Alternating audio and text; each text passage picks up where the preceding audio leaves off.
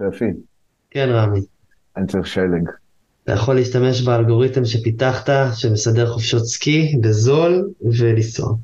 ברוכים הבאים לפאודר נינג'אז, הפודקאסט שבו ספי נובק היושב לידי, ואנוכי, רמי דורות, מדברים על גלישה בשלג, הרים, וכל מה שמסביב. היום נדבר היסטוריה, ההיסטוריה של אתר החרמון. שמחנו להתארח לשיחה אצל אלי סגרון, ממקימי מוש- מושב נווה עתיב וממקימי אתר חרמון. שוחחנו איתו על איך גלשו על ההר לפני שהיו רכבלים, זה הפתיע גם אותנו, היסטוריית האתר, סיפורים מן העבר, ומסלול הסקי הארוך ביותר בישראל שתועד אי פעם.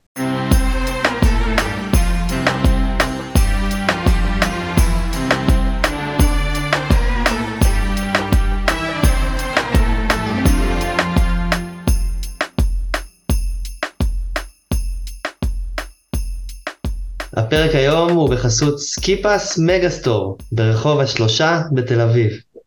החנות מחזיקה את מותגי הגלישה המובילים בעולם, Spyder, Burton, Salomon, Nordica. ועוד ממש הרבה, אז אה, שווה לקפוץ לביקור. אלי סגרון, ערב טוב, ערב טוב, מה שלומך? טוב טוב. אלי, אתה ממקימי מושב נווה אטי"ב. מושב זה, כן. מושב זה הגדרה? מושב נווה עתיב, כן. מושב נווה עתיב. ובאיזה שנה? מ-1971. ב-1971. ומתי אתם החלטתם בתור מושב לפתוח פה אתר סקי? בוא נגיד כך, אה, לפתוח את אתר הסקי החליט משרד התיירות. והיישוב הזה הוקם בכדי להפעיל את אתר הסקי. זאת אומרת, היישוב החרמון התחיל את צעדיו הראשונים עוד לפני שהיה יישוב. היה על ידי כל מיני גולשים ישראלים. בשנה הראשונה אפילו הופעל על ידי רשות הטבע והגנים, רשות שמורות הטבע היה פעם, ושנה אחר כך אנחנו הגענו לנווה זה היה ב-72. התחלנו לשקם. הסיפור בעצם מתחיל מזה שמשרד התיירות התחיל להקים רכבל ראשון בחרמון. את הרכבל הראשון, הראשון, מי שזוכר, גלשו עוד לפני שהיה את הרכבל? לפ- גלשו עוד לפני שהיה רכבל. איך כן, עלו. למעלה? עלו חמורים פרדות וחמורים. מתי, מי עלה? ישראלים? שם, זה ישראלים. כן. ישראלים עלו... ישראלים עלו עם פרדות מכיוון מג'דל שמס, עוד לפני שהכביש נפרץ לחרמון. היה כביש? לא היה כביש. אז עלו באיזה שביל, שביל של, שהוביל לחרמון. הגיעו למעלה ו... וגלשו. עם גלשו- ציוד? עם ציוד. עם ציוד מאיפה היה להם. ציוד לאנשים? מאיפה היה להם פרדות? לא, לא, היה חמורים, היו חמורים ופרדות. עכשיו, כל זה אני מדבר איתך על שנה ושנתיים, זה לא, זה לא 20 שנה שעשו את זה. זה, זה עדיין טוב. כן, אבל מה שאני רוצה להגיד לך, שהם עלו עם פרדות, ועלו ברגל עד למעלה וגלשו. עכשיו, לא ידעו איפה זה החרמון בדיוק, גלשו גם בכיוון מג'דל וחשבו שזה החרמון. זה היה בזמנו גם היו שני שלג אחרים לגמרי, הרבה הרבה מאוד שלג, מה שלא זה, ואנשים לא, לא ידעו איפה אתר החרמון. היה אני- בסיס שם? היה לא משהו? היה כלום. לא היה כלום. לא היה כלום, לא היה בסיס, לא היה... היה מוצבים למעלה? היה מוצב אחר מאוד. היה מוצב החרמון, עמדה צבאית, מה שנקרא, שאיישו אותה בקושי, ורק אחרי שפרצו את הכביש לכיוון אה, החרמון ולכיוון הר דוב, אז הכל נראה. אחרת. אישו את העמדה בחורף? אה, להגיד לך את האמת, אני לא יודע, כי לא הייתי פה, אבל אנחנו הגענו ב-71 בעצם, אחרי שהתחילו להרכיב, בעצם שנה לפני כן משרד התיירות התחיל להקים את הרכבל. אם נלך קצת אחורה, כן. החבר'ה שגלשו בחרמון היו חבר'ה אנגלו-סקסים, אירופאים שידעו לעשות סקי, קצת, לא הרבה, מהבית או ממה שהם הביאו, והם אה, התארגנו כמועדון הסקי הישראלי, והם היו עולים למעלה וגולשים. שנה אחר כך, אני זוכר, זאת אומרת, אני יודע, לא זוכר, שהם קנו מעלית סקי, הידנית הזו שהחזיקו עם, מטבנה של טרקטור כזה. עם מנוע קטן, פקפק כזה, והם שמו אותו במועדון, ב- ב- במסלול שנקרא מסלול מועדון, אם אתה זוכר איפה. הוא עדיין שם, כן. כי המסלול עדיין שם. מסלול מועדון, לגולשים, למי שפה לא מכיר מסלול מועדון, זה, זה המסלול שאתה מגיע אליו כשאתה מגיע לרכבל העליון ואתה לוקח skier's left מהרכבל העליון, וזה ה run התלול, זה ה run אדום. השחור, השחור גם. מועדון זה אדום, ושחור זה לידו תחרות, ואדי תחרות זה השחור. נכון. עכשיו, הקים- הקימו שנה אחת את ה T-bar הזה, בגלל זה קראנו לו ואדי מעדון, כי שם הקימו את, המעלית הזו. אה, האמת שמשרד התיירות התחיל להקים את הרכבל, ובאמצע ההקמה שלו המחבלים הגיעו לשם, פוצצו אותו. את העמודים הראשונים שהוקמו של שם. משרד התיירות. של... של משרד התיירות. אה, כשהחליטו שאנחנו מקימים את היישוב ומתחילים להפעיל את החרמון, אז קיבלנו את עצמ... אה, על עצמנו לשפץ את הרכבל הזה ולבנות את הרכבל מחדש. 91, 91, תיקנתם את הרכבל, התחלתם לתקן את הרכבל. לשפ... לשקם את הרכבל, 71, ובחורף 72 אנחנו פתחנו את האתר. פעם ראשונה, כיישוב, החברה הייתה בעצם אה, חברת הר חרמון, ובעצם זו השנה הראשונה שהתחלנו להפעיל את האתר, אנחנו כנווה עתיב, על ידי חברת הר חרמון, שהייתה בעצם בנויה שלושה גופים, זה היה נווה עתיב, אה, העובד הציוני, תנועת העובד הציוני, משרד התיירות. וזה נקרא חברת הר חרמון, שאנחנו היינו בעצם, נווה עתיב היו כביכול המפעילים של האתר, השכירים של האתר, בוא נגיד ככה. בנו את הקו הראשון באותו... זה זה רכבל אחד, זה רכבל של... רכבל- אחד הראשון, לא זה. כן. כן, אבל הוא היה על על אותו על אותו קו. לא על אותו קו. אלא לאיפה הוא הגיע? הוא הגיע לקפיטריה. אם היית בקפיטריה, ראית, אם הייתם בקפיטריה, ראיתם גלגל שם?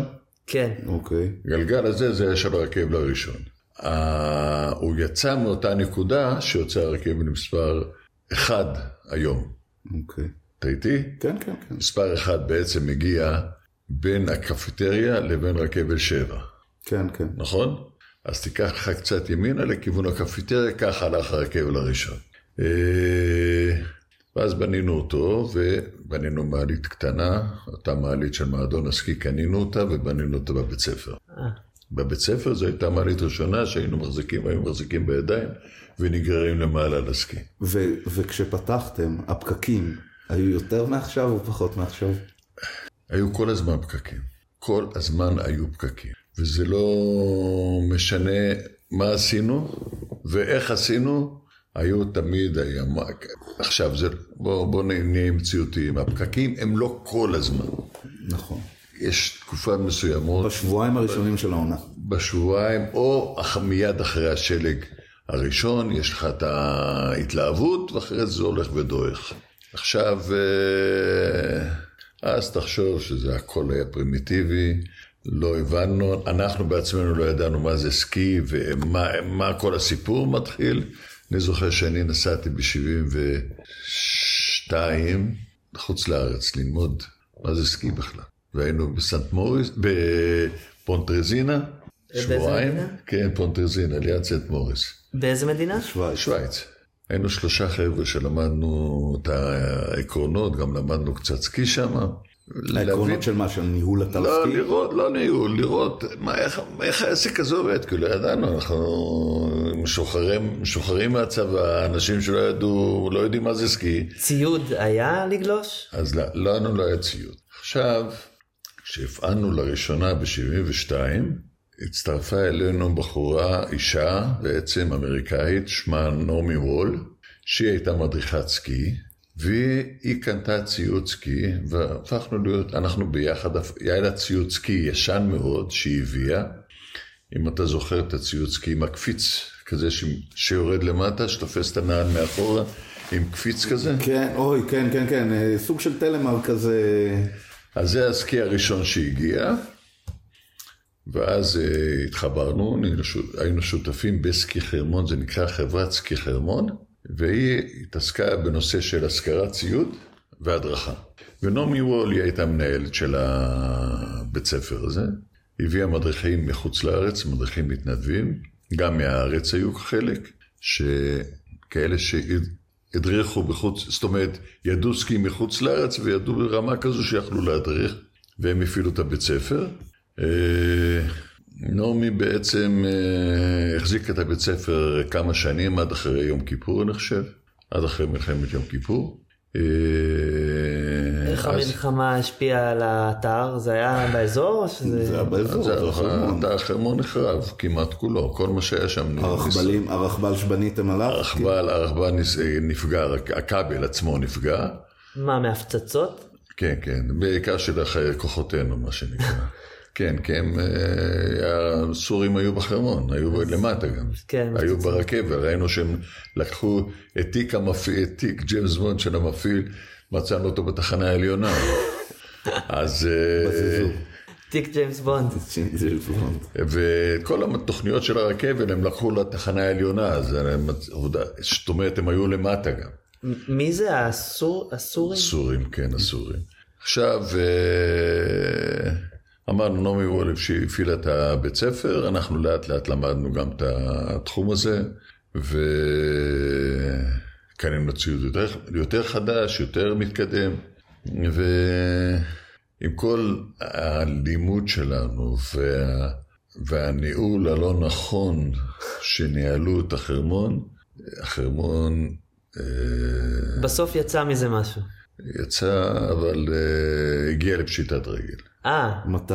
85. אוקיי. 85 היה מצב שהחרמון, אה, לא התנהל בוא נכון נגיד כלכלית. כך, בוא נגיד כך, ב-82 הגענו, אה, אה, החרמון רק הפסיד כסף. בוא נגיד ככה, העלויות היו יותר גדולות מההכנסות. תחשוב על זה שמים היינו מובילים במכליות, חשמל בגנרטורים, כל, כל נהגרה שפתחו בשירותים זה היה מחיר הכניסה בערך.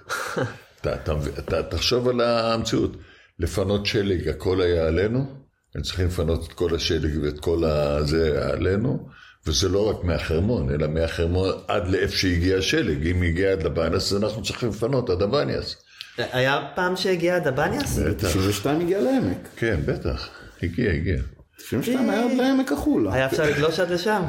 אה, אני יכול להגיד לך שאני ירדתי עם סקי מפה, הייתי צריך להגיע לתל לזה, מישהו הגיע עם אוטו עד הבניאס, איזה הגיע כיף. עם אוטו עד הבניאס, לא יכל לעלות למעלה, ואני על ירדתי עם? סקי מפה על הגב- על איזה כיף. השביל, לא היה כביש, היה פריצה. והגענו למטה ולקחנו את האוטו ונסענו לתל אביב. איזה כיף. אז חלום שלי. אה, הבן אדם שעשה את המסלול. הכי ארוך. הכי ארוך בישראל, בקיצור, כאן. כן, בקיצור, אז הגענו באמת למצב של, אה, ב-82, הכריחו אותנו, שלא הייתה לנו ברירה, בוא נגיד ככה, לקחנו שותפים את מפעלי רמת הגולן, ואז הכנסנו אותם כשותפים, ואז הם בנו את רכבל מספר 3. שזה... רכבל המבקרים, אם אתה זוכר, כן, כן. רכבל מספר 3, שהיום הגונדולה החליפה אותו. נכון. עכשיו, אה, כמובן הם אחרי שנתיים הגיעו למסקנה שהם מפסידים כסף, כמונו, והם החליטו שב-85 הם אה, לא מוכנים לפתוח את האתר, והאתר נסגר ולא נפתח ב-85 בכלל, אפילו ליום אחד. היה שלג טוב אבל בשנה הזאת? לא היה ולא- שלג בכלל, לא לא היה שלג? טוב בכלל. נו, אז הנה, הכל טוב. הכל. טוב, באמת לא היה שלג, ולא פתחנו את האתר, ואני אז מוניתי לי מנכ"ל של החברה, הייתי מנהל האתר לפני כן, פיטרו את מנהל- את המנכ"ל ומינו אותי, ובעצם ב-86 הגשתי איזו תוכנית כלכלית, שעל פי הניסיון וזה, זה להפעיל את האתר, קיבלתי 30 אלף שקל תקציב מהסוכנות היהודית להכנה של הרכבלים ולהעביר אותם בטסט, והפעלנו את האתר ב-86. שלג לא היה הרבה, היה מעט מאוד שלג, אבל מה שהצלחנו, אני התחברתי למשרד שיווק בתל אביב, והצלחתי להביא בערך 120 אלף מבקרים, לא היה סקי בכלל. 120 מספיק- לא שלג אלף. לגלוג. מבקרים, בשנה, בעונה. בעונה. זה- 120 אלף מבקרים בעונה ההיא. עוד לא היה מגרשי חניה כמו שיש היום. אה, לא, לא, לא. כמה זה היה הקיבולת אז של המגרשי חניה? של מכוניות. באו אני באוטובוס? יכול להגיד לך המגרש חניה של האוטובוסים שאתם רואים שם היה בערך חצי, וכולו היה המגרש העליון. העליון. היה חצי וכולו כורכר, והיה כורכר. חצי ממנו והיה בוץ. זה מה שהיה שם. זה מה שהיה שם, והיה חניון האוטובוס מול הסככות. מה זה מול הסככות? התחתון כאילו? התחתון, בתחתון, איפה שהסככות נמצא, איפה שאין כניסה עכשיו לרק לנכים. שם הייתה חניה. שם הייתה עוד נכון. הייתה גם חניה, כן, שם העמדנו אוטובוסים אחד על השני, כן. אוקיי, ומה- זה, זה הרבה מאוד אנשים בשביל מקום שיש בו חניה פחות לא מרחוב ממוצע אבל בתל אביב. תקשיב, 120 אלף לכל העונה, תזכור, זה לא הרבה, זה לא, זה לא היה צפוף בכלל, אבל הגיעו הרבה קבוצות. אני סיימתי את השנה הזו עם אף חבר מנווה עתיב שלא עבד בחרמון, רק עם שישה עובדים שכירים, כל העונה הזו, או שבעה, ואני. ואתה היחיד כאילו מנווה עתיב שעבד אני בחרמון הייתי, באותו זמן? אני הייתי המנכ"ל, ואני הייתי ממונה על ידי הסוכנות היהודית, ואני היחיד שעבדתי בחרמון, ולא לקחתי אף אחד מהם מנווה-עתיב, אף קבלן, אף אחד לא עבד בחרמון. וכל מי שהייתי צריך, אם הייתי צריך לפנות קצת שלג מהכבישים, הייתי לוקח טרקטור, סוחר אותו ליום או ליומיים, והייתי מפנה את השלג, וזה גמר הטרקטור הזה את העבודה. סיימנו את העונה הזו ב-600 אלף שקל מחזור, מתוכם 300 אלף שקל רווח תפעולי. תענוג. אחרי שהיינו מפסידים כל שנה בערך איזה שני מיליון שקל. מדהים. ובעצם פה התחיל המהפך של החרמון, מעסק שכשל והפסיד כל הזמן כספים, לעסק שהתחיל להצליח ולהשקיע בעצמו.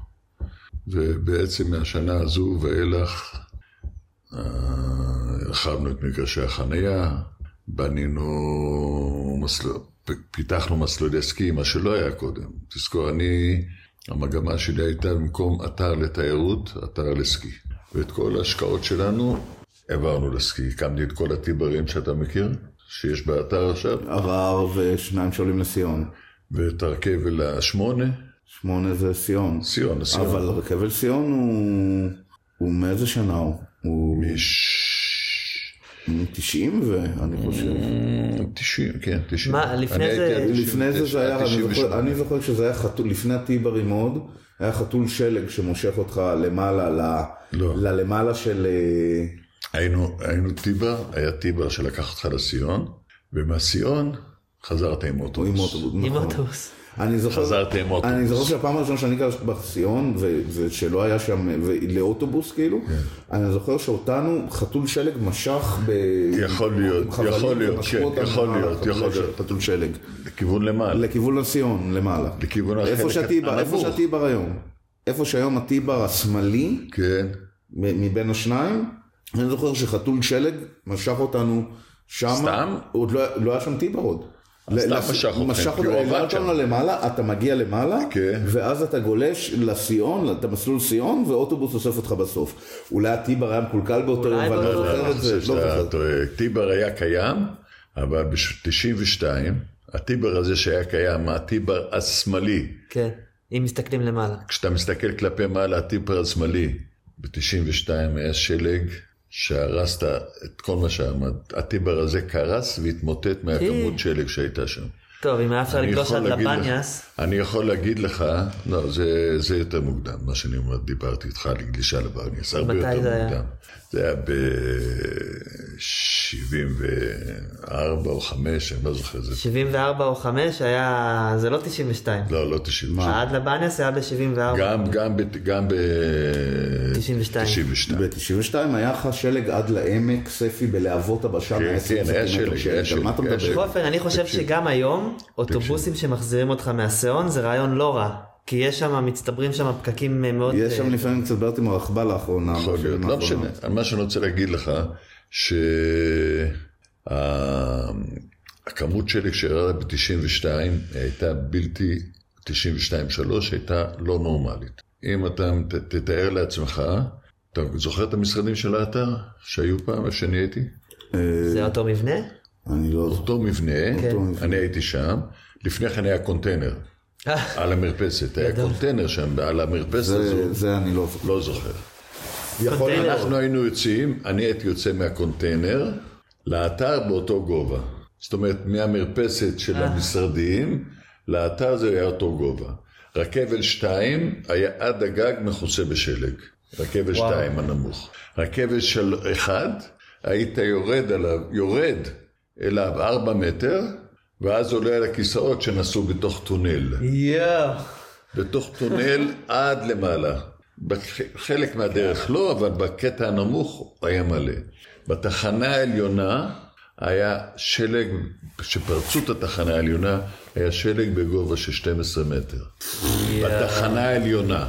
איזה בסיס. עכשיו אני יכול להגיד לך, אתה יכול לקפוץ הכל. ששלושה שבועות אנחנו נלחמים לפתוח את הדרך, ועכשיו זה לא היה מזג אוויר שידענו, תחזיות כמו היום, שאתה יודע שבוע מראש, יומיים, לא ידע, מהיום למחר ידענו. כן.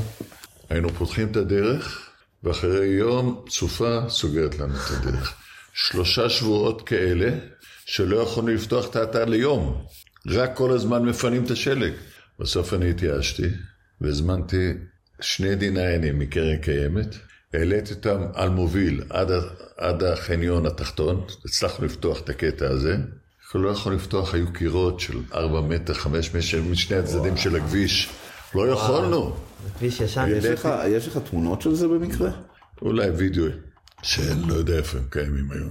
העליתי את הדיניינים מכי- מהחניון, מהקופות על הזחלים עד הרכבל התחתון, ואמרתי להם, תורידו כפות ואל תדחוף, לדחוף את כל השלג לוואדי. ודחפנו את כל השלג, אמרתי לך, שלושה שבועות לקח לנו לפתוח את האתר וסופה אחרי סופה, יאללה. סופה אחרי סופה, לא, לא נתנו לנו לנשום. אנחנו מטפסים כל יום, אבל זה דבר... לא, לא, זה היה, זה היה פשוט לא הגיוני. אני יכול לספר לך, ב- ב- בשנה הזו היה לי יום הולדת, הכנו לי פה יום הולדת, ואני נוסע עם סובארו 4 על 4 טנדר של, של, של פעם שהיה של אביס. הזכרנו, למה לא היה לנו כסף לקנות כל כך. נסעתי עם סובארו 4 על 4 של אביס, וירדתי מהאתר, ונתקעתי באמצע הדרך, אני לבד, והסובארו, ואין לי קשר עם אף אחד בעולם.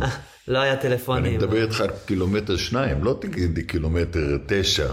קילומטר שניים, שני קילומטר ממג'דל. אז גלשת למטה. לא גלשתי את זה, לא יכולתי לצאת מהאוטו מהסופה שהייתה. נשארתי עד הבוקר, בשש בבוקר, אני בקשר, היה לי מכשיר קשר, דיברתי עם אה, זה, והמפעיל היה חפיד, אבו סאל, אז יש מפעיל עד היום, אתה מפעיל פה מפנה שלג, והוא אומר שהוא שמע אותי בקשר, ואני אומר לו, זהר, אני שומע את השופל, אני, אני אומר לו, "שו- אני שומע את השופל. אז הוא אומר לי, טוב שדיברת והזהרת אותי, למה מזל ראיתי את האביס האדום של. הארגז למעלה? למה הייתי מכוסה לגמרי. מעיף אותו. היית הייתי קבור בשלג לגמרי. באוטו. במגדל שם. לא, שתי קילומטר ממש. שני קילומטר ממש, יואו. תקשיב, והוא פינה אותי, וחבר'ה פה רצו לי יום הולדת, ואני לא יכולתי להגיע ליום הולדת. בקיצור, זו הייתה התקופה. מאז החרמון השקיע בעצמו, אמרתי, פיתח את ה... זה השקיע במסלולים, הרבה מסלולים פתחנו. כל המסלולים שאתם רואים היום, הם לא היו קיימים עד, אה, בוא נגיד, 97, לא היו קיימים המסלולים האלה. מה היה ב-86 נגיד? מה היה, איזה מסלולים היו? ואדי מועדון, וזהו. היה רק ואדי מועדון? רק ואדי מועדון. נכון, חתול אני זוכר פתחו ב-90 ומשהו אני חושב.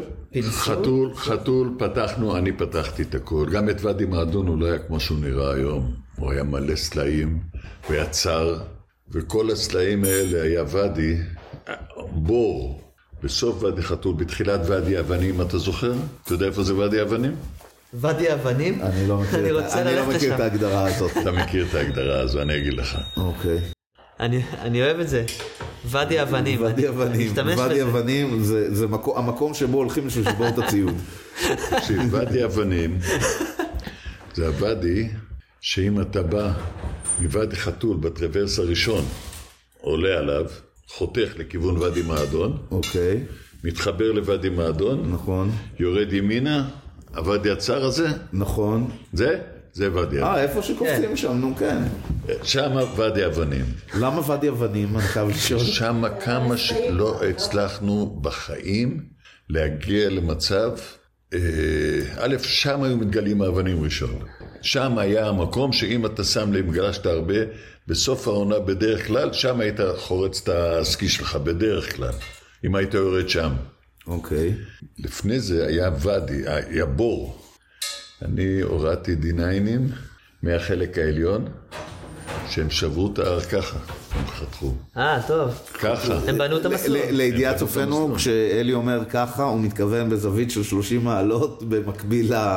חצבו את ההר חצבו. את ההר.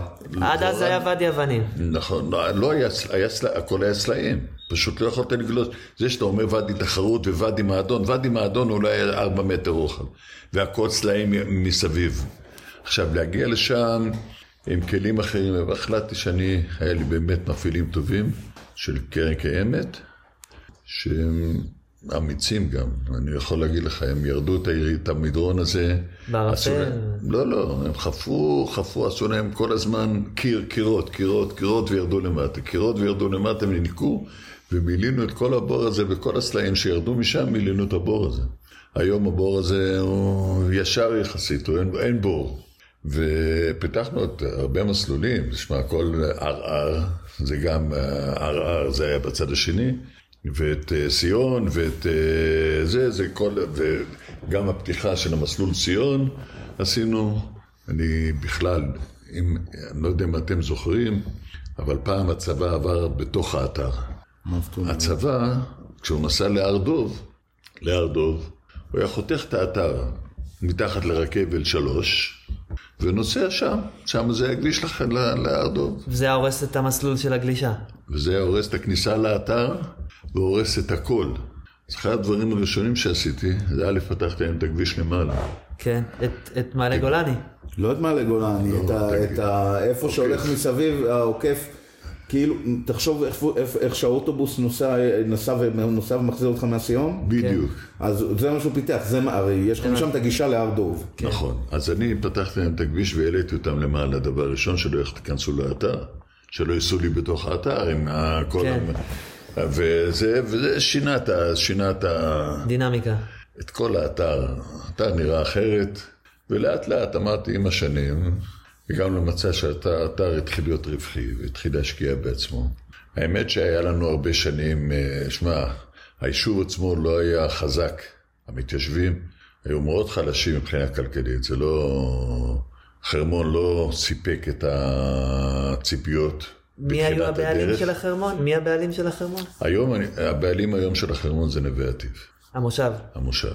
כל החברים זו חברה שהיא בבעלות החברים. עכשיו, אני יכול להגיד לך שמפעלי רמת הגולן פרשו, ואנחנו קנינו את המניות שלהם ממפעלי תכן. אני יכול להגיד לך שהמושב, עם כל זה שלא היה חברים, לא היו במצב כלכלי הכי טוב, החרמון לא חילק רווחים והשקיע בעצמו כל השנים. גם כשהמצב השתפר, ששמע, היה לנו חובות אדירים ששילמנו, זה לא היה פשוט להגיע מזה.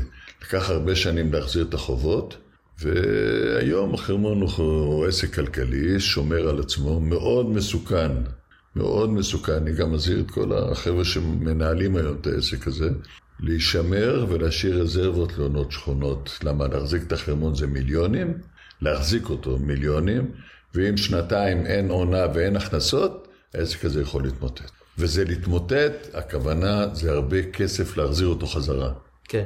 רציתי לשאול, אה, אמרנו שיש את ואדי אבנים, יש גם אה, ואדי מוקשים? לא, לא שאני מכיר. מצ- היה איזה סיפור עם... אה, מצאו מוקשים?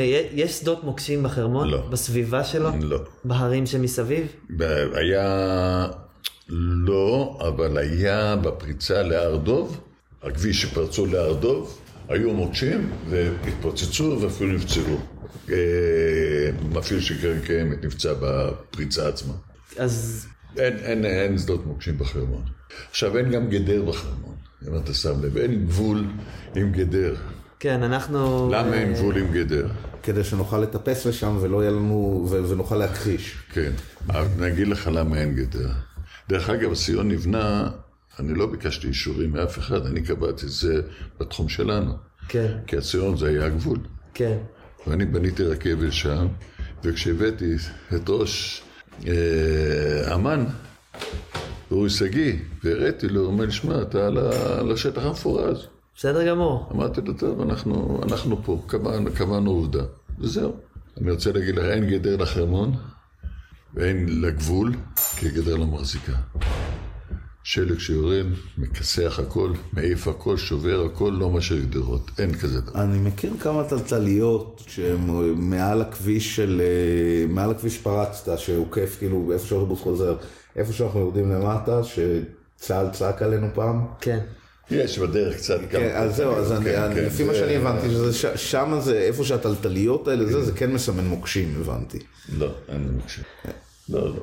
אין אולי אה, יום אחד ירחיבו את החרמון, יהיה שלום, נעשה איזה אתר גדול יותר עם הסורים, עם שמע, הלבנונים. כל, ה- כל התיאוריה הזו, אה, כל התיאוריה הזו היא ב- בחלום. אני רציתי בזמנו אפילו, רציתי לעלות עם רכבל נוסף. רצינו להזכיר לכם שהפרק בחסות רשת סקיפס, שמחזיקה אאוטלט בהרצליה. ואל תשכח את מאזיננו אשר בצפון. יש גם בחיפה אאוטלט של סקיפס. עם רכבל נוסף ל... לכיוון אה, מצפה שלגים. כן, יש שמועות שזה עלול לקרות. כן. יש, יש מאוד שזה אמור לקרות, אבל אנחנו הלכנו שנה שעברה, אבל זה רעיון, רעיון שהוא מאוד מאוד בר ביצוע. בולען. אתה עולה מסיון לכיוון, אה, תרנגול?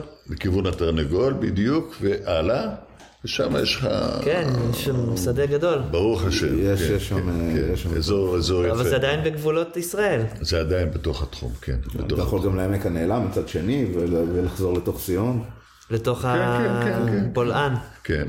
אה, יש, יש מקום לפתח, והחבר'ה הצעירים שמנהלים את העסק עכשיו, הם אה, עושים את זה די טוב. עושים את זה מעולה. ככה. כן, רפה, רק מילים טובות בינתיים, אפשר כן, להגיד, על כן. מה שהוא עושה שם. מג'דל שמס. כן. מתי התחילו הקשרים, כאילו מההתחלה הם, הם גם באו לעבוד בחרמון, לעזור, הם התחילו לגלות, מה, איך, היום המון מהחרמון מוחזק על ידי מג'דל שמס. כאילו, עובדים, כן, כן, כן. איך התחילו הקשרים, מתי זה התחיל, מה...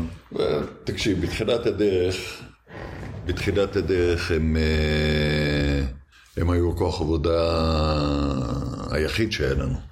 בעצם רובם היו חקלאים, בחורף לא היה להם מה לעשות, אז התאים להם לעבוד בחרמון, וגם היום זה ככה דרך אגב. הרבה שבאים באופן זמני לעונה, דרך אחת הבעיות באירופה, בכל האתרי הסקי, גם להשיג עובדים באופן זמני. אז מי שבא לעבוד באתרים האלה זה אותם חקלאים שאין להם מה לעשות בחורף, אז הם מדריכי סקי ו- ו- ועובדים ברכבלים וכל כל מיני כאלה. זה גם באירופה עובד אותו דבר. וככה זה היה בחרמון, הם עזרו לנו כל הזמן בתחילת הדרך. אה, עכשיו הם, זה עולם אחר, מג'דל שמס, לעומת מה שהיה פעם. כן. פעם הם לא היה להם מושג בסקי, לא הבינו בסקי, לא... היום הם מצוינים, הם אה, למדו מהר מאוד והתחילו לגלוש, הם יש הרבה גולשים עם מג'דל עצמם. גולשים טובים, יש מדריכים טובים. כן, הסקי פטרון. הסקי פטרון, רובם, כן. רובם, רובם, הרבה שנים הם הסקי פטרון והמדריכים הטובים. בתחילת הדרך הכל, כל המדריכים היו מתנדבים, עד שעברנו קורסים ולמדנו והכשרנו, אז... אה, והם אה, עובדים מצוינים. הם עובדים איתנו, הקשרים שלנו איתם הם מעולים. יופי. וזהו. ותגיד לי, קרה שגולשים מהצד הלבנוני או סורי, מתישהו גלשו בטעות לישראל? לא, הם לא יכולים גם. לא יכולים, אין אפשרות גלישה לכיוון ישראל. אין, אין אפשרות. למה? מהלמעלה של הסיון מהצד השני אתה גולש לתוך ישראל. אם אם אתה אתה עולה ברגל. השני, אבל יש לך שם את ה- את המצב של האו"ם. המצבים. לא, אין מצב של האו"ם. מצב של זה אסטרה, מה שאתה רואה. מה זה אסטרה? אסטרה, אסטרה א', אסטרה ב', זה מוצאים שלנו שנמצאים מעל הסיון. אוקיי.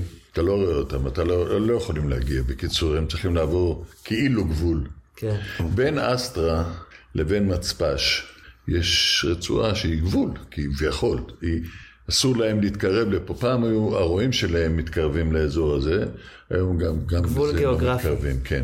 עכשיו אלי, אני, אני מכיר אותך לא יודע כמה שנים, המון שנים. אה, אני מכיר אותך מהרכבלים למטה, מה... אבל אתה לא מכיר אותי כמנכ"ל. אני לא, אני, אני, יכול להיות שכן, אני פשוט לא זוכר את זה.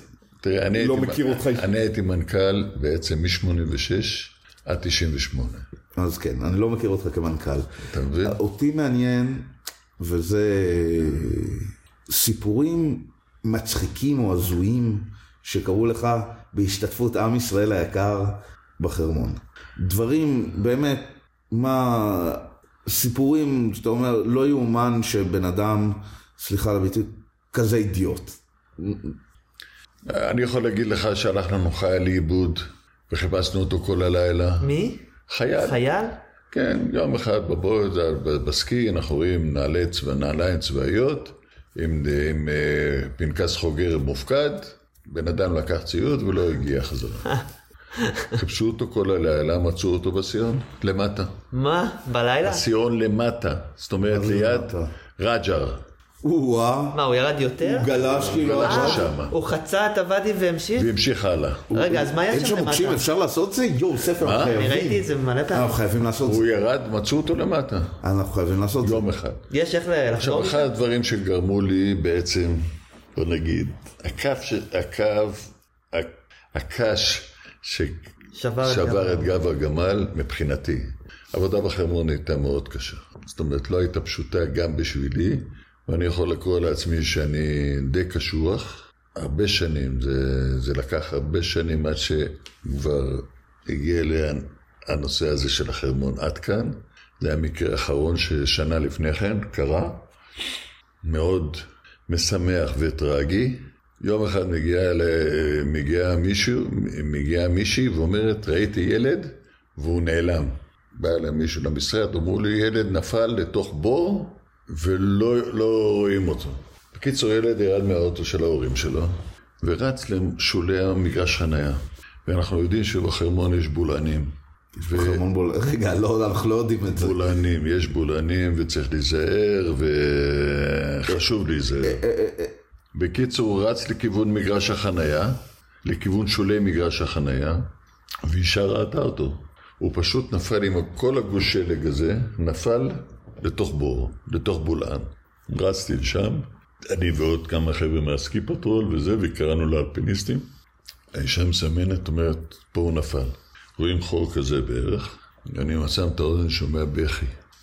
רגע, לצופים, אה, חור כזה זה 20 סנטימטר, 30 סנטימטר. 30 סנטימטר בערך, אני שומע בכי, לקחנו את אחד האלפ- האלפיניסטים, הכי, הכי קטן שיכל להיות, והורדנו אותו עם חבלים למטה, הוא הגיע לילד במרחק 10 מטר עומק, עשר מטר? 10 מטר איך עומק. זה? תקשיב, הוא נפל עם גוש שלג, זה היה מזל שלו, הוא נפל עם גוש של שלג, שבלם את ה... שבלם את הנפילה שלו, חילצנו אותו, ואחרי זה התחלנו לשוחח, אני ואלפיניסט, לראות מה הסיפור, אז הוא אומר לי, אלי, תאמין לי, הילד הזה ניצל מאלוהים. אמרתי לו, למה? הוא אומר לי, שמע, אני ירדתי למטה, הילד הזה נפל על שן, שן כזו, שהייתה בתוך הבור, הוא נפל פה.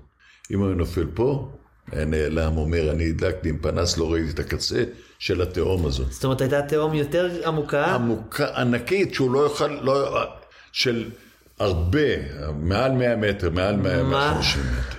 רגע, ואז והבלם סגרו אותו עכשיו? מה? אני, אה, בטח. אני אחרי, הוצאנו אותו, זרקנו סלעים והצקנו כמה מיקסרים של בטון עם ברזלים שיכסה את הכל. וואו. זה לא- בעצם... לא כיסיתם, לא הכנסתם עד לתהום של המאה מטר. לא, אבל מלמעלה. עשינו את הרוב, עשינו רשתות, ברזל, כיסינו את הכל. אני יכול להגיד לך שזה הטריד אותי שנים. רק המחשבה, א', אם האישה הייתה, לא הייתה רואה אותו, ההורים שלו לא ראו אותו, האישה ראתה אותו, אישה אחת שמתוך הזה ראתה את הילד, וכל הזמן חשבתי, תאר לך שהוא היה נופל למטה. כן. נעלם. האבא, האבא בא ו- בלעה אותו האדמה. בירך אותנו, וכל כך אומר, הצלת את הבן, ואני כל הזמן אומר לו, אם שלח את המלאך הזה, את האישה הזו, שראתה אותו. אם לא היינו מחפשים אותו כל היום, עד היום היינו מחפשים את הילד הזה. כן. תחשוב על זה. ואז כל דבר קטן שהיה קורה, אם ילד היה נפצע במזחלות, נתנגש עם ילד אחר או נפצע, היה מטריד אותי. אה, בקיצור, מתישהו נמאס. התעייפתי. ב-98 הודעתי על התפטרותי, נחתי שנה פה, בנווה עתיב כחקלאי, ואחרי זה נסעתי לארה"ב לתקופה של 15 שנה וחזרתי. אבל בתוך 15 שנה פגשתי אותך כי הייתי בא כל חורף. אה, ותגיד לי, אלי, אבל אוקיי, זה, זה, אבל זה, תן לנו איזה סיפור משמח ומצחיק, גם משהו. אני לא, לא זוכר דברים משמחים מהחרמון בחיים. וואה, משמחים? אה, מתי הפעם האחרונה שגלשת? לפני ארבע שנים. ארבע שנים? חמש שנים. ארבע, חמש שנים. הייתי, חליתי בסרטן לפני... מצטער לשמוע. בזה, עברתי ניתוח, הורידו לי חצי ריאה ואונה, ובעצם אז הפסקתי לגלוש. אין לי, אין לי כושר נשימה הכי טוב בזה. דרך אגב, אני מדריך סקי גם בין היתר, עשיתי גם תעודה בווינגייט. דרך אגב, אז היו עושים בווינגייט, נוסעים לחוץ לארץ למבחנים, חוזרים. כן, עם האיגוד האוסטרי עושים, עשו את זה הרבה. אנחנו עשי- עשינו, אני אומר, הם נוסעים לחוץ לארץ, כן, כן. הם עדיין נוסעים. עושים את זה. כן, עדיין עושים את זה.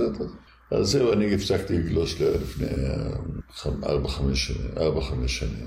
גם הפסקתי לעבוד באתר מאותו, זמן. כן, אני זוכר, בשלוש שנים האחרונות, שלוש שנים אני האחרונות ניילונים היו מצחיקים. כן, לראות לראות אנשים בניילונים זה תמיד מצחיק. כן. עד היום, עד היום, אתה יודע כמה, איזה מלחמות היה לנו עם הניילונים, זה היה קטסטרופה, זה לא היה פשוט. כל הזמן, כל הזמן אמרו, אה, אתם לא רוצים להזכיר ניילון?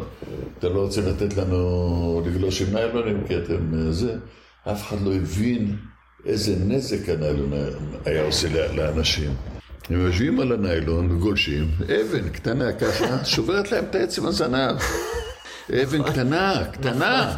אתה יודע כמה פצועים היו מהניילונים, זה היה קטסטרופה. עכשיו כולם. כל היום אומרים, "אה, בגלל שאתם רוצים להזכיר מסחלות. לא, תבוא עם מסחלת, תגלוש, אין בעיה. אבל אתה לא יכול לבוא עם ניילון שהוא מס- מסכן אותך. ואז אני צריך לטפל בו במרפאה אחר כך. כן, אתה כן. מבין? ואחרי זה מאשים אותי, שאני לא מנעתי ממנו. במס- כן. שאני לא מנעתי ממנו. אתה יודע, אין לנו תביעה בחרמון, אחת, תביעה של, נקראת תביעת הטייסים. חבורה של ארבעה, חמישה טייסים באו לחרמון עם ציוד סקי, ואמרנו להם שאין, אה, המסלולים סגורים. קרח, הכל היה קרח, המסלולים כולם היו קפואים. לא יכולנו לפתוח את האתר, לסקי. עכשיו אין לנו חתול שלג, זה שזרוק פה, אתה ראית אותו בכניסה, בחנייה פה למעלה? אה, את זה? היה בקושי בחניה- חי, בחניה חתול של נווה עתיב, 120, הכוונה. חנ- מסלול קטן, רק אה, בקושי חי. לא סוחר. לא, לא היה, לא יכולנו לפתוח את האתר בקיצור. והם עלו ברכבל, הודיעו שהם רק עולים ברכבל והם לא גולשים, עלו למעלה וגלשו. אבל למה למה נתנו להם לעלות עם הציוד? נתנו. היו- היו חיילים. לא, לא, לא, לא, לא, לא יודע. אה, זה אחת הפשלות, זה אחד הסיפורים. גלשו, התרסקו על המסלולים. התרסקו. הסקי פטרול סיכן את עצמו. חתול שלג עלה בקושי, החליק כל הזמן עם השרשרות, לא, לא היה קרח. חילצנו את כולם, הוצאנו, תבעו אותנו. מה? כן. תבעו אותנו. אחד, הוא היה, מה, הייתי צריך להיות רופא עיניים, נהייתי, לא יכולתי להיות רופא עיניים בגלל התאונה, הייתי זה, תביעות, תביעה, הם נפצעו? הם נפצעו, בטח, בטח, אז כל הסלעים, בחייך. כל, כל ההר, כן, אנחנו יודעים, החרמון לפעמים יכול להיות גוש קרח אחד גדול, וזה זה היה. קרח כחול, אני אומר לך, אה, קרח קרח לא היה אפשרות להגיע אליהם גם, תדע, תדע לך. הם התרסקו על סלעים ונתפסו בסלעים והגיעו אליהם ב- בסיכון. כן. תקשיב, תבעו אותנו, והשופט אמר לנו ככה, במקרים כאלה, אפילו בכוח צריך למנוע מהם. אה, מזל שלא מונעים מאיתנו בכוח. אתה מבין? כן. אפילו בכוח צריך למנוע מהם. אחת הפשלות שלנו שנתנו להם לעלות בציוד. אז הם רצו את הציוד כי לא רצו להשאיר אותו פה באיזשהו מקום, רצו לקחת אותו למיטה. כך זה היה הטענה שלנו כביכול, למה נתתם לעלות עם ציוד. וזה הסיפור. טוב, מזל שהם יצאו בשלום. זה הכי חשוב. יצאו בשלום, כן, לא מתו. ובנימה אופטימית זו, אלי, תודה רבה. על לא דבר. שמחתי. אה, וזהו, שמחנו להתארח. תודה רבה. חברים, בואו לחרמון, כיף פה. בשמחה רבה ותמשיכו ליהנות. ואה, רגע, אתה הבעלים של אה, גולשי החרמון. גולשי החרמון בווייז, אה, בקתות אירוח. ב... כן, אנחנו נקראים גולשי החרמון.